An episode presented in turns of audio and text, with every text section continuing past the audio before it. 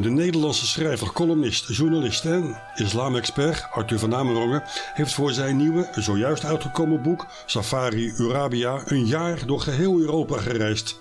Hij bezocht onder andere steden met moslimpopulaties in Engeland, Spanje, Portugal, België, Frankrijk, Duitsland, Zweden en Denemarken. Hij sloot de reis af in de Balkan. Albanië, Bosnië, Kosovo en Macedonië. De zachte onderbuik van de Europese islam. Net als in zijn bestseller Brussel Urabia uit 2008 schuwt hij de controverse in Safari Urabia niet. In 2008 voorspelde hij al door de Marokkaanse moslims gepleegde aanslagen in België en in Frankrijk. En Van Amerongen wordt sindsdien de profeet van Molenbeek genoemd. In Safari Urabia waarschuwt hij voor terreuraanslagen op soft targets, kerken en de LGBT-gemeenschap. In het tweeluik De islam in Europa, gevaar of uitdaging volgt programmamaker Rob Muns Arthur van Amerongen tijdens zijn reis door de Balkan. Luister naar deel 1.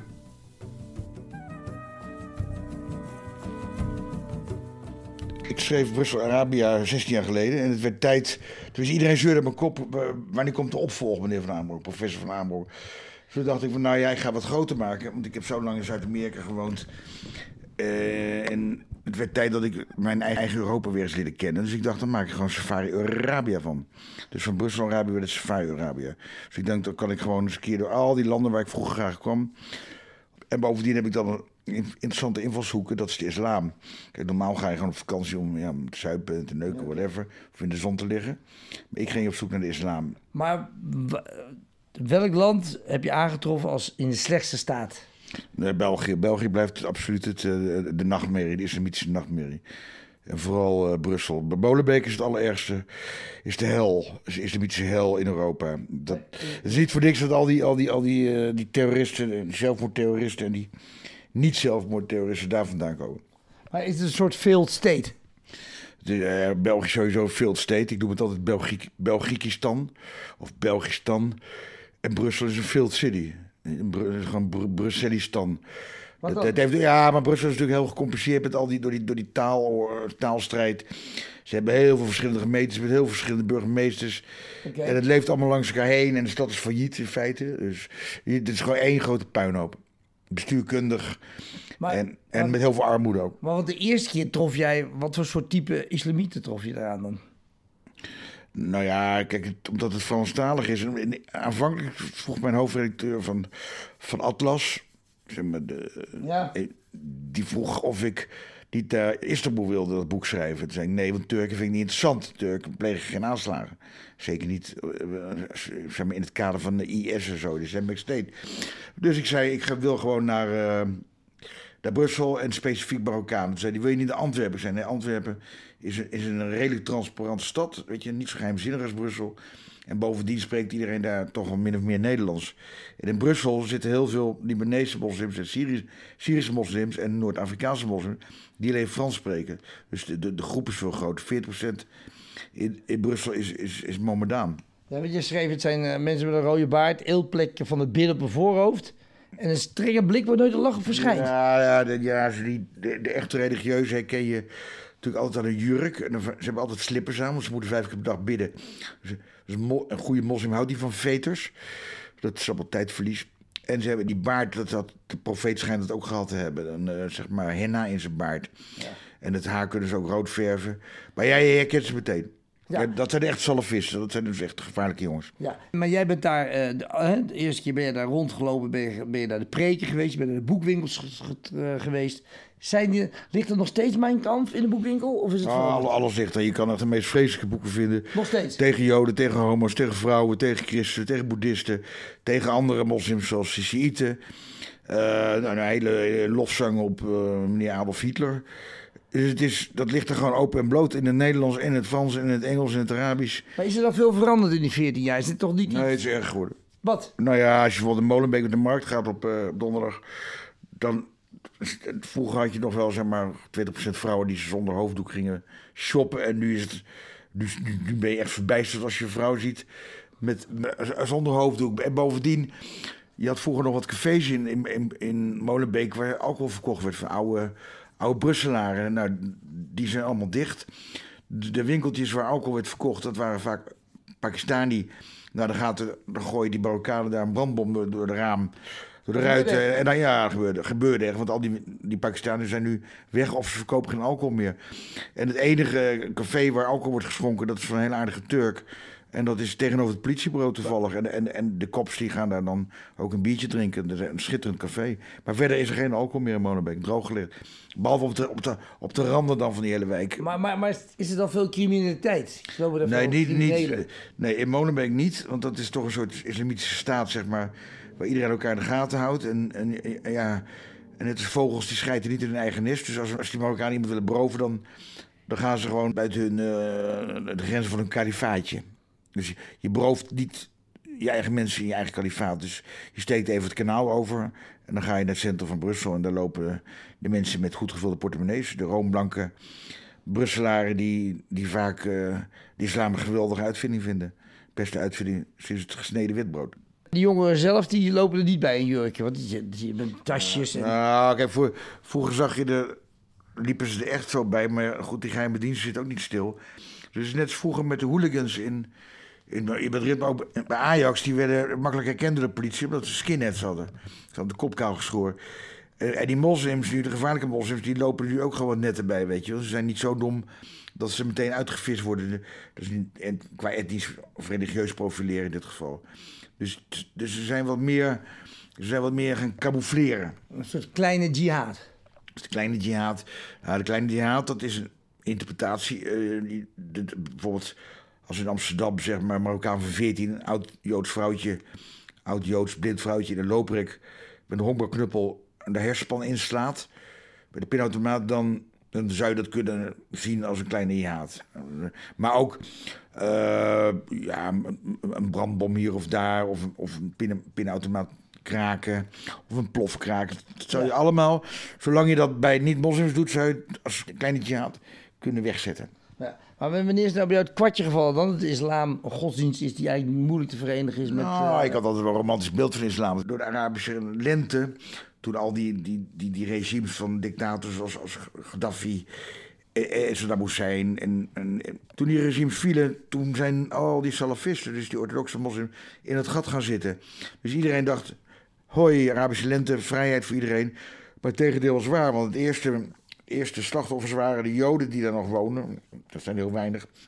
De homofielen en, en de hoeren en, en, en de cafés waar de drank werd verkocht, die worden dan het eerste aangepakt. En de scheiding tussen man en vrouw. Bijvoorbeeld in, in Algerije, toen daar eh, de islamitische partij het vis aan de macht kwam. Toen, eh, het eerste wat ze deden was eh, aparte bussen voor vrouwen in het openbaar vervoer. Wanneer dacht je dan van ja, dat is niet echt... ze zijn moeilijk in te passen in onze samenleving, de, de Mm. Nou, bij mij is het kwartje gevallen eigenlijk al na 9-11 natuurlijk. Ik ben een klassieke sociaaldemocraat die nog altijd gelooft dat de seculiere sociaaldemocratie goed is voor de samenleving. Maar ja, ik begon vanaf 11 september 2001 door te hebben dat de islam daar haaks op staat. En, die, die kan er niet mee samenvallen. Een islamitische staat gaat niet samen met een sociaaldemocratie. Ik reis al vanaf eind jaren 70 door het Midden-Oosten. En, en dat in, in de islamitische wereld, en toen had dat nog wat, weet je. Vrouwen droegen minder hoofddoeken. In de macht van de Sovjet-Unie en de geest van het Kemalistische Turkije, dus van, Kemal Atatürk, en de westerse sociaaldemocratie, die zorgden ervoor dat die emancipatiebeweging in het Midden-Oosten iets voorstelde. Maar vanaf de Iraanse revolutie in 1979 zijn dingen echt, echt gaan veranderen. Dat heeft een helse kettingreactie op gang gebracht. Maar tot 2001 was het Midden-Oosten nog goed te pruimen. Ja, zeker vanaf de Arabische lente in 2010, 2011. Ja, toen, toen is de betovering die ik, die ik had met het Midden-Oosten volledig verbroken. Waardoor? Nou, die Arabische lente, dat, dat werden er bijvoorbeeld de gevangenissen opengezet door, door de islamisten. En toen kwam alle tuigen in het Midden-Oosten in, in Nederland terecht bijvoorbeeld. Of ze gingen in Syrië sterven. Het was geen lente, maar het was het begin van een nucleaire winter. En met de Arabische lente zag je in werkelijkheid wat de islam doet als ze eenmaal aan de macht is. Mannen en vrouwen segregeren, scheiden dus, alcohol verbieden en de rechten van allerlei minderheden grondig terugschroeven. Dat doen ze. Ja.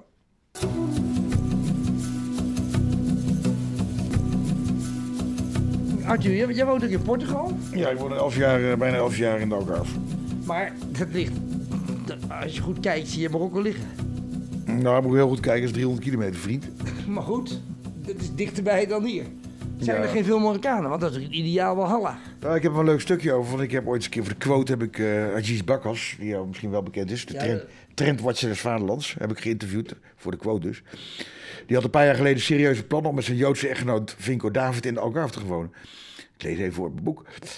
Bakkas voelde zich bijzonder veilig in mijn biotoop en vertelde me... "Eh, popje, hier zijn geen Mo- Mohammedaanse poterhammers, dus ik kan hand in hand met mijn man over straat flaneren. Er is nauwelijks misdaad, hoogstens wat dronken Britten die elkaar en kroegmeubilair slopen in Albufeire. Hier kan je dus gewoon het touwtje van opa te lauw uit de brievenbus hangen. Portugal ligt niet op de route voor mensensmokkelaars en is te arm om horde migranten van uitkeringen te voorzien. Zoals dat in Noord-Europa wel gebeurt. Met circa 0,2% moslims is Portugal praktisch islam uitgedaagd. En dat vinden heel veel Noord-Europeanen heel rustgevend. Ja, is dat waar? Ja, want ik ken in de Algarve eigenlijk maar twee Mohammedanen. Ik ken in de Algarve eigenlijk maar twee Mohammedanen. Eentje dealt toevallig hasjes in een park in Aljouw. En de andere verkoopt heerlijke Marokkaanse lekkernijen, zoals zijn huisgemaakte harissa. En er waren een paar Portugese jihadis, maar die groeiden op in Engeland en bekeerden zich tot islam. Zoals Nero Saraiva. Tegen zijn Nederlands-Portugese bruidje Angela Barreto uit Soesterberg werd zes jaar celstraf geëist. Zij een van de bekendste Nederlandse jihadsnollen, die door de vaderlandse media lieve Syriëgangers worden genoemd. Tijdens de eerdere zitting noemde Angela zichzelf een dom gansje, maar dat moet je nooit geloven. Maar goed, die, die, die- hoe lang geleden is dat? Dat die Angela... Nou, dat is dit jaar. Dit jaar. En die Angela die Zes zit... jaar veroordeeld. Zes jaar maar.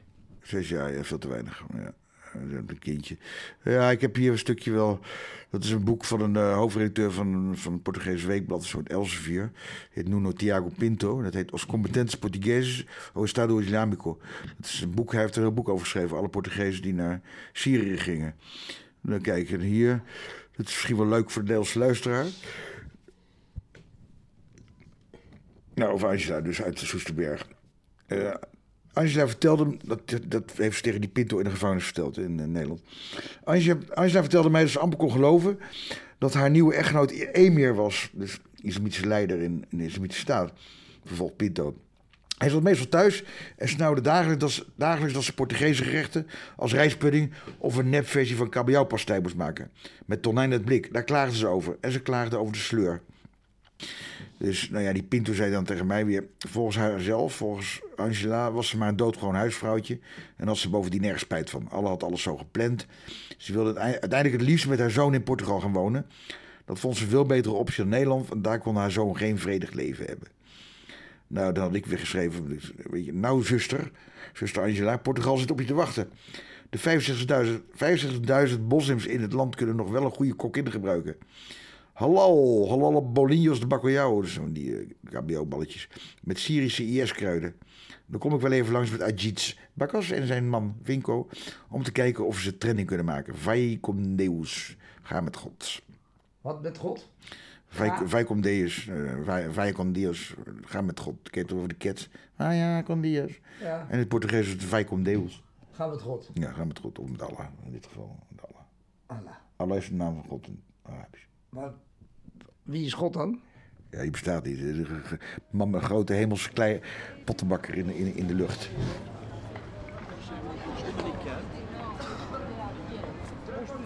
Uh, who is Albania of today? Where is she located? And what there is to see in Albania? A lot of history can tell us where Albanians are from and what is the civilization identified with. I would go back to 2,500 years ago when Illyrian Empire, with the capital, the city of Shkodër, was Ik, Rob Muns, ben afgereisd naar de Balkan om daar Arthur te ontmoeten en om hem te vergezellen in zijn zoektocht naar de Europese islam voor zijn nieuwe boek Safari Arabia. What happened is that the kingdom of Illyrians fell at 168 BC. This is the moment that King Genti lost the last battle against the Romans that decided to take control of the entire peninsula of the Balkans. What will happen? Arthur, The Roman, ter- the Roman Empire. waar zijn we? of course, Welk land is dit? over Europe and Het is eh, zaterdag, dus het zal wel Albanië zijn, hè? Het is Saturday, het must be Albania. En, dan, en, en we, we, we, zijn, we lopen nu in een dorpje in the middle of nowhere. Ja.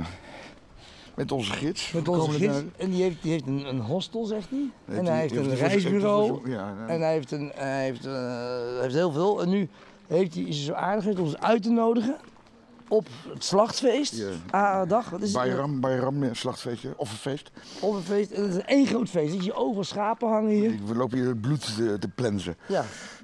Rivieren van bloed. Rivieren van bloed. En uh, overal gesluierde vrouwen. Ja. En dat is allemaal niks van waar. Er is helemaal niks hier. Er zijn helemaal geen moslims. Het is nog een soort ritueel feestje. Nou ja, de, de belangrijkste uh, moslim van dit land heet Elvis met zijn voornaam. Elvis. Dat is toch een hele rare naam voor een moslim. Ja. Ja. Nee, we zijn er nog niet helemaal uit. Kijk hier, zoals als backpackers. Oh, wat leuk. Welcome to the Elbasan Backpackers Hostel, ladies and gentlemen. Aha, oké. Okay. But you say it's de offerfeest. Koerban, ja. Maar wat wordt nu geofferd dan? Het is alleen maar brood. Helemaal niks. Thank you guys. Ja, thank you. We gaan nu ritueel, neem je, neem je ritueel een, een slokje, Arthur. Wil je echt dat? Laat even horen. Een stil biertje. Laten we een ritueel slokje Doe met zo'n hebben. Nee, even niet, maar ik... Een ritueel slokje. Ik ga bijna dood, man. Wat dan? Mm. Mm. Goulash. Oh, so you drink the entire bottle? Yes. Did you buy to some uh, girls? No, bread. guy. Bad house. You, you, yeah, you make. Oh. But how much you pay for a beer? How much you pay? Uh, man, when did it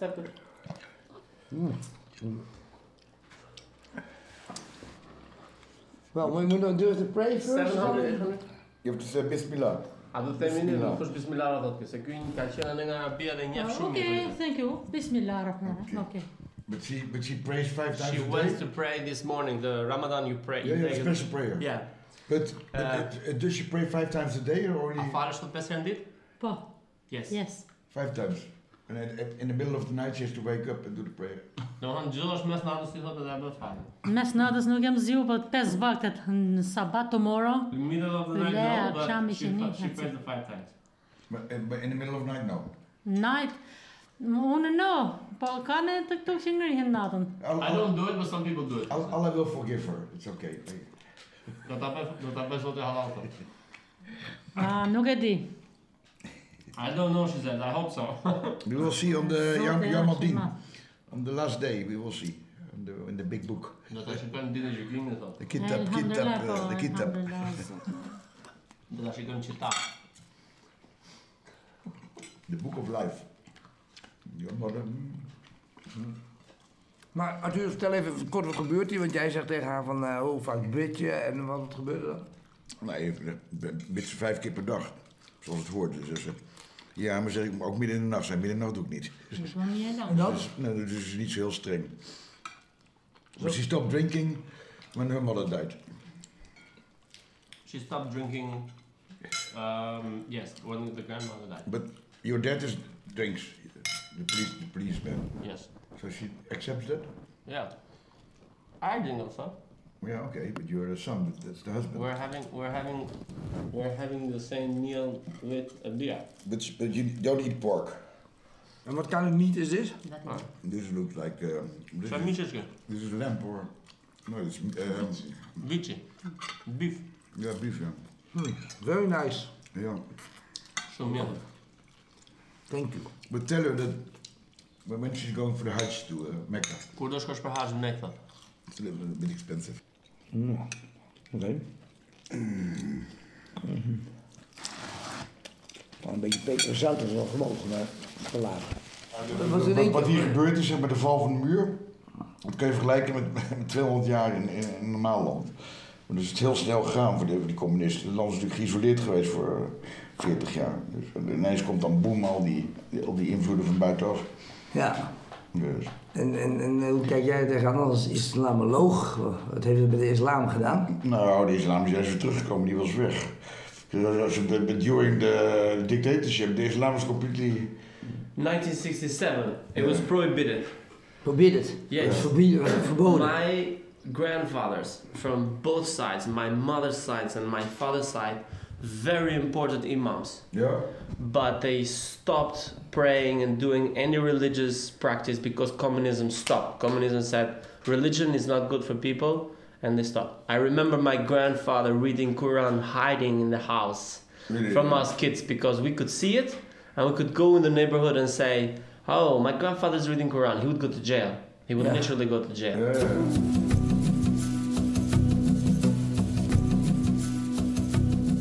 Is het goed om even wat voor te lezen uit je columns, zodat we even een duidelijke indruk krijgen van wat je nou allemaal aan het doen bent.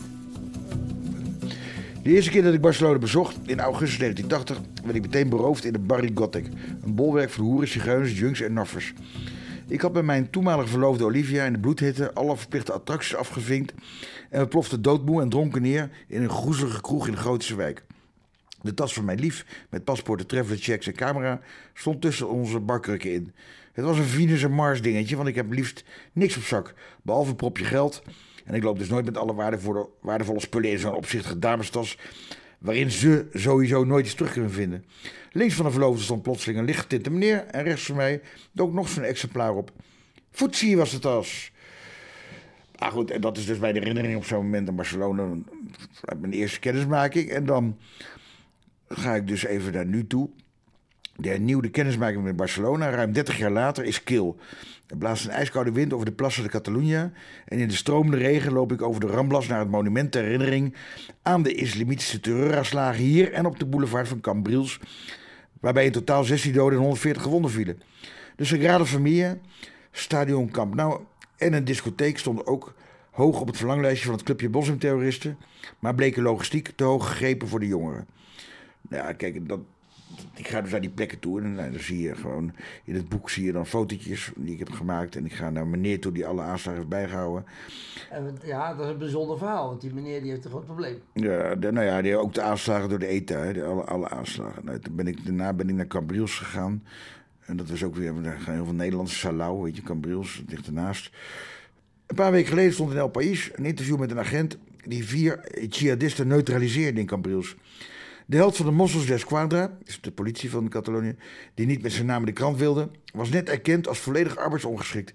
Nou ja, die agent die herinnert zich als de dag van gisteren dat iets na één uur s'nachts een Audi A3, wat hebben die gasten toch met die Duitse bolides, met hoge snelheid de promenade van Cambriels opscheurde en over een vrouwelijke agent reed. Vijf jongeren stapten uit het voertuig, vier renden op volle snelheid naar de agent. De moslimterroristen zwaaiden met bijlen en droegen gordels met explosieven die later vals bleken te zijn.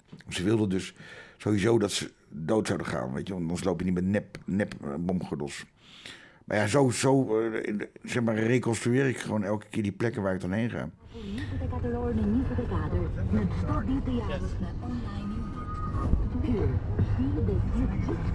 Kop houden! They see the room, if they like it, they stay. If not, we change the place and we go Arthur, somewhere. We have a coffee. Wat zijn we aan het doen? And then we go back. We zitten nu in de auto, we rijden van uh, Ochlied naar uh, Skopje. Yeah, yeah, just wait for me. Met onze gastheer, gids, de conservator van het Aarden Dodelijk Museum. Deze jongen heeft journalistiek uh, gestudeerd. Hij is, uh, geen, hij is niet van Albanese afkomst, zoals veel mensen in, in deze regio. Maar hij is gewoon zeg maar, van Slavische afkomst. Hij spreekt ook uh, Macedonisch, wat heel erg op Servisch lijkt en op uh, Bosnisch. En um, ja, ik, was, ik ben benieuwd hoe het zit met, die, met de namen. Het is eigenlijk Macedonië, dat is Noord-Macedonië geworden. En ik wil weten uh, hoe, het, hoe het zit hier met de islam. Dus we gaan hem nu vragen hoe het met de islam zit. Uh, Christen, can you explain something about the, the, the history of Muslims in in uh, Ohrid and in general in Macedonia? Well, I can definitely tell you about Ohrid. Basically, the Muslims and the Christians are living all together in harmony. Of course, there are some parts of the city where mostly the population is Muslim, mostly of the population is Christian. Uh, the Christians, the Muslims, they all have kind of like their own places where they go, I don't know, to eat, to drink, to have fun, but also they mix. So there's never been any kind of tension between them. There's never been any kind of like conflicts or yelling, people insulting each other on basic on their ethnic or religion. So it's kind of like all, everybody living in a harmony, you know. Yeah. Can you translate Arthur? Wat zegt hij? Nou ja, er zijn verschillende, je hebt verschillende culturen. Je hebt de Turk, heb je, je hebt de Albanese. Je hebt orthodoxe, je hebt katholieken, maar het is allemaal redelijk vreedzaam. So you said the Turkish, but they they came with the with the Ottoman Empire and they stayed. They were never kicked out. Like in, in Greece, they were kicked out after the civil the wars there. No, they, they all stayed. I mean, not only in Ohrid, in whole Macedonia. I mean, the whole Turkish community just stayed here. They live all together with the Macedonians. There's never been any kind of like tension or like holding a grudge about what was happening before. You know, about five five uh, years of slavery under the Ottoman Empire. You know, it's like these are totally different kind of Turkish people that the one that were living at that time. What? Uh, what zegt hij? Ja, maar ik zat even, ik kreeg een ding. Oh. Maar ja, goed, die komt over. Yes. Okay, and uh, but how, how would you describe the Islam? Like in Albania, it's very Sufi, very mystic Islam, you know. Uh, and here, is it more the, or is it conservative Islam or Orthodox, or are they are there a lot of uh, extremists? Well, so far there hasn't been a lot. Of, there there haven't been a lot of cases of extremists throughout the territory of Macedonia. Most of the places uh, are, like I said, they are conservative, but not to a point. For example, that they don't do anything, that they hide themselves, things like that. For example, in the main city, in Skopje, you have some areas where you know that in those areas is mostly 100% Muslim population, and sometimes people are scared to get there, to go there, not because because of the history, for example, of the Muslim people. You know, they know in what kind of situation they're gotten into. But all the conflicts that we have here, all of them are based on kind of like with a political background. hij, zegt, hij schat dat ongeveer 30% is, uh, moslims zijn in Macedonië. En waarvan een deel, uh, van de meeste eigenlijk niet praktiserend zijn. Maar ze hebben geen, uh, ze hebben geen uh, volkstelling meer gehad. Want dat, dat krijg je natuurlijk een, uh, dat is altijd slecht voor de politiek. Want zeg maar, als de moslims in meerderheid zijn, dan zouden ze de politiek kunnen uitbuiten. And also, I would like to say now we had a population process a couple of months ago in which a lot of the people were protesting because it was during COVID, first of all. Second of all, they were kind of forced to come out to tell and write themselves how much members of their family are Christians, how much members of the family are Muslims. And the Muslim population kind of like took advantage of the whole situation. And probably the population process that came out that a big percentage of the population is Muslim Muslim was probably set up. Oh, wat zegt hij? Nou ja, het is hetzelfde met die volkstelling. Ze hebben, ze hebben, wel, uh, ze hebben wel schattingen gedaan. En het is, uh, nou ja, het is op, uh, gaat er maar vanuit dat het 30% is. En how, and the population is what, 2 million something? Almost 2 million, like million and 900,000. Yeah, so almost 2 million. And how, uh, how many are, you would say, ethnic Albanian? Oh, probably maybe 300,000 something like that. Yeah. yeah, so yeah. There are no exact numbers. You know, no one can tell you the exact numbers because I can tell you that maybe 70% of all the Muslim population is working and living abroad. You know, they're going to How the U. Big, like 70 80% of the Muslim population, you cannot count how much they are here because a big percent of that are going and living abroad, working abroad. So you only met them and they're here, let's say during the summer period. They're going to Switzerland, Austria, Germany. I mean, places where there is a big community of Muslim population. Ja, 70% zeg maar, van die 30% uh, uh, moslims in Macedonië die wonen in het, uh, wonen in het buitenland. Als zeg maar, gastarbeiders zou je kunnen zeggen. Er zitten zigeuners bij die moslim. Maar dat uh, als die allemaal terug zouden komen, dan zou je dus een hele andere machtsverhouding krijgen. Dus de, de, de, de, Grieken die hebben een claim op dit hele gebied. Er waren dus een heleboel echte patriotten, echte Macedoniërs, die, die zijn het parlement uh, hebben dat bestormd. En, want die waren dus tegen die nieuwe naam. Weet je, zo'n nieuwe naam moet je je voorstellen, dat moet alles veranderd worden. Alle plattegronden, alle kaarten. En die zijn allemaal in de gevangenis uh, gegooid. Een aantal zitten nog vast omdat ze als terroristen werden afgeserveerd. And what about his flag? You told me yesterday. Yes, the yeah, we had to remove the Virginia flag, the flag of Alexander the Great, of Alexander the Macedonian, the one with the 16 craigs with the sun on the middle of it. De officiële vlag van Macedonië is nu verboden. Dat is uh, de, de Virginian, de uh, Virginian flag. Uh, met een soort zon met allerlei dingen erop. En die, die Omdat Alexander de Grote hier geboren is, in Centraal-Macedonië. Uh, wat heeft Alexander de Grote ermee te maken dan? Nou ja, er is dus een, was 20 jaar geleden een, een, een, filmserie. En daarin werd gewoon gezegd dat hij in Alexander de Grote in, in Griekenland uh, was geboren. Maar hij is dus gewoon in, in Macedonië geboren. Dus daar wordt uh, heel veel mensen ontkennen dat. En eigenlijk wat hij zegt is. Dat bijvoorbeeld die, die, die, die Virginia flag. Ik weet niet hoe in het Nederlands hè. Ja, de, voor mij is de, de Virginian de name. Why it's called Virginia? Nobody knows. Ja, will Google now. But so, dus die vlag die is nu verboden, maar die, hangt toch, die wappert er overal. Ogriet, zoals we gezien hebben. En alle riooldeksels, daar staat hij ook in, zeg maar, in verwerkt. Wat, wat? In de riooldeksels. Die hebben, ja, die hebben ze allemaal weggeslepen, die vlag. Die vlag. Dat, Uit de riool? Die deksels, ja, die hebben ze dus heel veel moeite voor gedaan om dat weg te halen. Maar ja, je kan die mensen niet voor de gek houden, dus die vlag wappert overal. Arthur,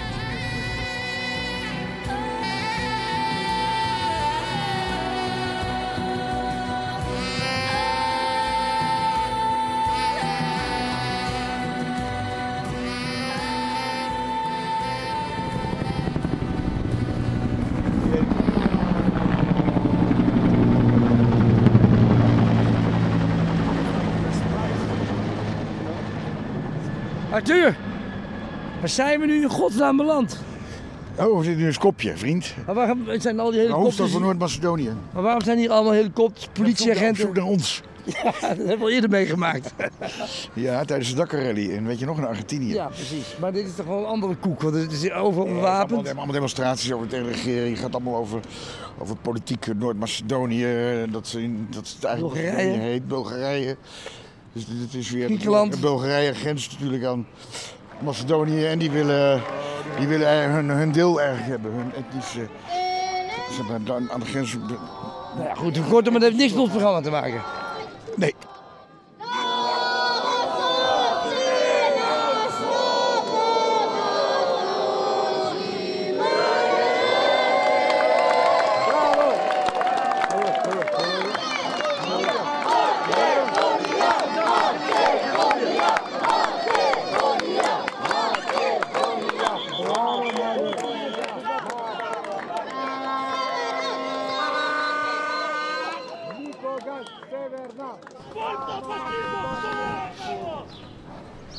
Three, two, one. Ladies and gentlemen, um, shh, get ready for the biggest monument in the country, the Alexander the Great. Big motherfucker. What the fuck is this? Wat is dit? Dat is Alexander de Grote. Dat is heel groot. Heel groot, ja. Dit is Alexander... Enorm. Jezus, binnen man. Dat is gewoon... Was die gozer dan, die Alexander de Grote? Ja, dan moet je, je hebt niet op school gezeten of zo. Heeft dat te maken met die moslims we nu... eh, Alexander de Grote, Alexandrië is hem vernoemd. Dat is gewoon... eh, Is hij de oorzaak van al die ellende dan? nee, zijn broer. Ja, dat is ja. Maar ik snap, oké, maar we zijn hier voor Alexander de Grote. Nee, we hebben niks met ons programma te maken. Dit is geen moslim namelijk. Dat was geen moslim. Nee, anders heet hij wel Mohammed de Maar Grote. wat doe ik hier dan? Nou, we gaan eten doen. Maar het is allemaal demonstraties dadelijk, oorlog, ellende. Ja, je moet echt je, echt je schoolgeld gaan terughalen, Muns. Want we maken voor Ongehoord Nederland maken we iets over islam. Snap je dat? Snap je dat nou of niet? Er staat aan de verkeerde kant foto's te maken, maar aan de andere kant dan zie je zijn gezicht. Dan zie je alleen de reet van een paard. Daar heb je helemaal niks aan. Jawel, dat vind ik leuk. Heel leuk. Kom, we gaan naar. Theater is daar. Waar is theater? Hier is theater, daar. Ja nou, en dan? Dat klopt er helemaal niks van, man. Theater is daar en dan wijs je daarheen. Je wijst naar links en het theater is rechts. Hier.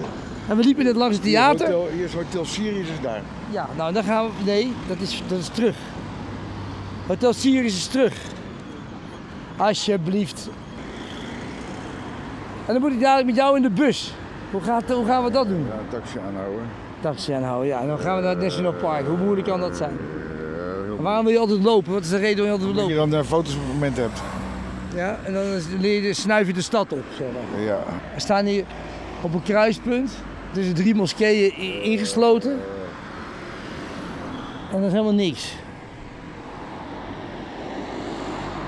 Kijk, theater is daar. Kijk, daar is het theater. Dus dan moeten we die weg, hier is theater, ja? Hier is deze weg. Dus dat betekent dat we hier gewoon naar rechts moeten en dan zo lopen. Hier, kijk. Dat zei ik al, naar boven, naar rechts. Jij wilde, jij wilde naar links. Laten we dat maar doen en dan gaan we zo verder kijken. Oh, hondje, pas op. Oh, hondje, pas op. Je wang.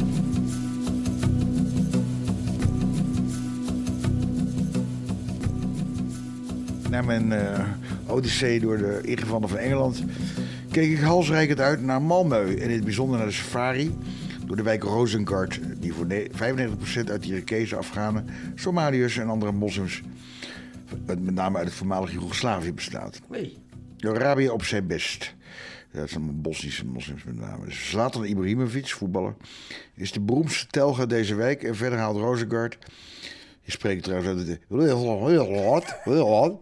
Het nieuws, hoofdzakelijk met etnische narigheid. Recentelijk waren rellen rond Koran-pyromaan Rasmus Paludan, die de boel ook al opjut in 2020. En een zeer gewelddadige volksoproer na de sluiting van een duistere moskee toen eh, stond Rosengart eigenlijk op de internationale kaart in 2008. Dus die Rasmus Paludan, die gaat dan Korans verbranden. Een soort eh, extreemrechts typetje. Op straat tijdens de Ramadan, ja, kan je redden. Nou ja, ik heb, eh, voor de zekerheid nam ik naar deze reis eh Teun Voeten mee. Teun cultureel antropoloog, gepromoveerd op de Mexicaanse drugsoorlogen. En bovendien heeft hij een rijbewijs en een auto en ik niet. Dus ik, ik vroeg nog aan de professor Teun of ik mijn kogelvrije vest mee moest nemen naar Malmö. De gemoedelijke Brabo, Bokstel 1961, zei toen... Goede vriend Tuur, ik denk dat wij geen gevaar lopen. Alles is relatief. De murder rate van Tilburg was destijds, hoger dan die in het Chicago van El Capone. En ik voel mijn water dat de moordcijfers van Rosengard toch minstens tien keer lager liggen. Je moet niet geloven wat er in de krant staat, jongske. Nou goed, en we zijn dus heen gegaan. Alles was vreselijk duur. Als je met die, die, die, de brug van die serie, weet je wel. Van Denemarken naar Malmö. De Britse ben je al 150 euro kwijt. voor 10 minuten zoeven. Nou ja, een biertje 10 euro. Het is gek huis. Oh, maar, maar wat doen die lui daar dan? Want die, die, die, die veel te duur daar voor die moslims. Die zijn allemaal helemaal een uitkering. Nou ja, je hebt de, je zit de Scania, hè. hoe zit het hier? Ja, er zit veel metaal, metaalstad is dat, hè? dus heel veel vrachtwagens worden er gemaakt. Maar goed, en dat, eh, nou ja, het, het eerste wat dat mij opviel toen we die, die peperdure brug van Denemarken naar Malmö dus waren overgezuist, was dat Zweden maar kinderparadijs is. En dat is natuurlijk een hele goede reden om een land te mijden. Want ik kan niet zoveel kinderen. Werkelijk overal heeft men speelhoekjes voor gut en kroost gemaakt en verschoonplekken voor baby's op de genderneutrale place. Waar ik half mannen in tuinbroeken zingend met strontluizen in de weer zag. Dus al die vikingen zijn weg. Het zijn allemaal mannen met staartjes en weet je, half wijven zijn het eigenlijk. Wat is toch gebeurd met de stoere viking? Ik snap best dat de Zweedse vrouwen liever in Somalië, Pakistan of Afghaan thuis hebben. Omdat die dichter bij Nilfisk de Norman staan dan de lui verwisselende en Torgil in hun roze tuinbroeken. En dan, ja, misschien was daarom Cornelis Vreeswijk zo geliefd. Weet je, die bekende zanger van de Nozen van de Non. En misschien wordt het morgen beter. Ken je hem nog? Nee. Misschien wordt het morgen beter. Het wordt toch nooit goed. Nou, die was grote volksheld in Zweden. Hij was een Nederlander. Ja, uit IJmuiden. Kees uit IJmuiden. Cornelis Vreeswijk. Maar die was heel erg lief voor de Zweedse dames. Maar op een gegeven moment is er wel één probleem. Was er, want hij had eh, twee meneren die verkleed waren als vrouwen. Die had hij, had hij mee naar huis genomen. Hij, hij dacht dat zijn lekkere hoeren. Maar dat bleek kerels. Die heeft hij helemaal en bouw geslagen. Stom dronken. Ja, dat viel niet zo goed in Zweden. Hij hield niet zo van traafstieten. Maar goed, eh, dat, eh, nou ja, is een museum voor hem. En elk jaar is een heel groot festival. Dus, ehm, nou ja, verder... Weet je, het, het, dat, wat me opviel in Zweden is dat, dat die, die echte Zweden, die stoere Zweden, bestaan niet meer. En die moslims, die, die zijn daar in, in een soort vacuüm terechtgekomen. En die kerels, die hebben een enorme verkrachtings, eh, verkrachtingscultuur. En dat, Wat? Waar, waar in Zweden heb je een vertrouwen? De hoogste verkrachtingen van Europa. En dat komt alle asielzoekers uit, In, Zweden, in Malmö de hoogste verkrachting in Europa. heel Zweden, ja. En dat zijn allemaal... Dat, dat durven ze niet op te schrijven, die kranten. Maar iedereen weet dat het 95% wordt... dat De Zweden verkrachten niet. Het, wordt, het gebeurt allemaal door, door, door Afghanen en uh, Soedanezen en Somaliërs. Die denken gewoon, die komen gewoon uit een soort apenland. En die lopen daar rond, zien al die meisjes korte rokken. En denken gewoon, dat stop ik belul in. Dat is een soort dat doen. Weet je, het is gewoon een soort, uh, ja... Hoe moet je dat, een apel door een apenhul? Het is gewoon een soort apenhul. Dat Zo gaat het echt. Want die hebben ook die lui, dat zie je in Duitsland, in die zwembaan in de zomer. Nou, zo- Zo'n Afghaan, die heeft nog nooit, het enige bloot wat hij zag was misschien de hand van zijn moeder. En dan staat hij ineens in een zwembad, vol met meisjes in bikinis en die begint ze dan af te rukken. Dat lees je heel vaak. Die gaat dan spontaan afrukken. Die denken, hey, weet je, dat... Nou ja, en je kan niet iemand zeg maar, uit de middeleeuwen ineens neerzetten in een beschaafd land als Zweden. En die verkrachten, nou ja, die, en, die, en, ze proberen dat gewoon zeg maar, in de doofpot te doen. Dat, hoe, hoe zijn die lui terechtgekomen dan? Nou ja, asielzoekers. Zweden heeft, kijk, Denemarken, Denemarken ben ik wel geweest, maar dat was, dat, dat was niet zo interessant voor mijn voor boek. Uh, omdat ze daar gewoon heel streng migratiebeleid hebben. Zweden niet? Nee, als je, als je in Denemarken iets fout doet, ben je ook meteen je paspoort kwijt. En verblijfsvergunning ga je eruit. En dan gooi je meteen op het vliegtuig. En in Zweden, in Zweden is het is net Nederland, weet je Verkrachters, moordenaars, die, die blijven gewoon allemaal in Zweden hangen. En uh, peperduur, een paar jaar in de gevangenis. Zweden is echt, uh, eigenlijk is Zweden wel... Walhalla. Nou ja, voor moslims, maar het is dat, als dat de toekomst van Europa is, dan kun je beter uh, emigreren naar, uh, naar, Paraguay. Maar goed, die, die, die, die, omdat die mannen dus zo slapjurken geworden zijn, halve homo's. En die vrouwen uh, eigenlijk gewoon zo politiek correct zijn dat ze ook die verkrachters nog verdedigen, weet je hoor. Hey. Ja, ja die, die, dat was een heel beroemd verhaal. Dat staat ook in het boek. Zo'n zo Somalië, die werd uitgewezen, die zat in het vliegtuig geboeid. Begon een meisje een woke wappie die begon te protesteren dat discriminatie was. En alle mensen ook klappen. Deze man moet in, de, in, Zweden blijven. Daar uit het vliegtuig gehaald. En de man had dus twee meisjes van, van 12 verkracht. Dat, daar kwamen ze later achter. Ze zeiden dat, dat meisje, hij is onschuldig. Nou, het is gewoon kinderverkrachten. En het enige goede nieuws is dat die man uiteindelijk, hij kwam uit Engeland. Dat hij in Engeland veroordeeld is. En dat hij dit jaar, moet je nagaan, dat is een jaar geleden, op het vliegtuig naar Somalië is gezet. En zal, die zal niet zo snel terugkomen. Maar dus Zweedse vrouwen verdedigen hun verkrachters. Nou, dat, dat, zou je het Stockholm-syndroom kunnen noemen. Het Stockholm-syndroom is dat jij lang gegijzeld wordt en sympathie krijgt voor de gijzelnemer. Um, maar ben je ook die wijk in geweest dan in Stockholm? Oh. Nee, Reuzenkart. In, in maar ja, bij, bij de politie bij, bij een hele aardige politiemannen. En het is nu vrij rustig. Die echt, ze hebben daar echt zo'n guerrilla-oorlog gevoerd. Maar het viel reuze mee. Je hebt één winkelcentrum en dan kan je heerlijk uh, thuis eten en, en Afghaans en, uh, en Arabisch. En, en, het was eigenlijk, en die bosjes zijn vrij relaxed, net zoals in deze. Maar heb je daar sloppenwijken? Nee, heb je niet in Zweden. In Stockholm heb je wel een beetje slechte wijken, maar, maar het was eigenlijk het, weet je, het, is, het, heeft het hoogste aantal moorden van Europa, geloof ik, met zeg maar vendetta's. Dus, maar dat is allemaal onderling, hè? Dus tussen bendes. Je hebt dan heel veel er zijn heel veel wapens in omloop. En, maar dat, zie je niet als je daar rondloopt. Als je daar rondloopt is het best wel saai. Gewoon een winkelcentrum. Maar als je de cijfers bekijkt van het geweld, dan, gebeurt er veel meer. Want ik heb een criminoloog, een Iraanse criminoloog gesproken met, samen met Teun. En die zei dat het echt uh, dat, dat je nergens in Europa zo makkelijk wapens kunnen, kan krijgen. Binnen vijf minuten heb je een Uzi. Maar dat zijn allemaal bendes die elkaar bestrijden. Ik zit natuurlijk in de haven, dus er komt ook drugs binnen. En er komt heel veel wiet binnen uit Nederland en pillen. Maar ja, het zegt nieuws is dat grammetje kook kost 500 euro, grammetje wiet 80 euro. Dus ik heb geen sigaretten gerookt, die kost ook peperduur. Ik heb, ik heb er alleen thee gedronken en water in, in de hotelkamer. Dat is wel goed voor je. Dan ben je een beetje afgevallen. Misschien moet je er wel gaan wonen. Dat is goed voor je, dat is het buikje. Ja, ik denk dat ik er al af en toe iets beter mee past. Moskeeën gezien daar voor binnen? Ja, er zitten allemaal kleine moskeetjes. En Afghaanse moskeeën en Bosnische moskeeën. En Somalische moskeeën. Maar dat, nogmaals, ik vond het tegenvallen. Ik had echt verwacht, een teun met name, dat we in een soort bendeoorlog terecht zouden komen. Dat we kogelvrij vesten. Maar ja, dat was allemaal heel gemoedelijk. Dus, het enige interessante van Malmö was zeg maar die die, uh, die kinderverkrachters. Die vrouwen, die blanke vrouwen die hun verkrachters verdedigen.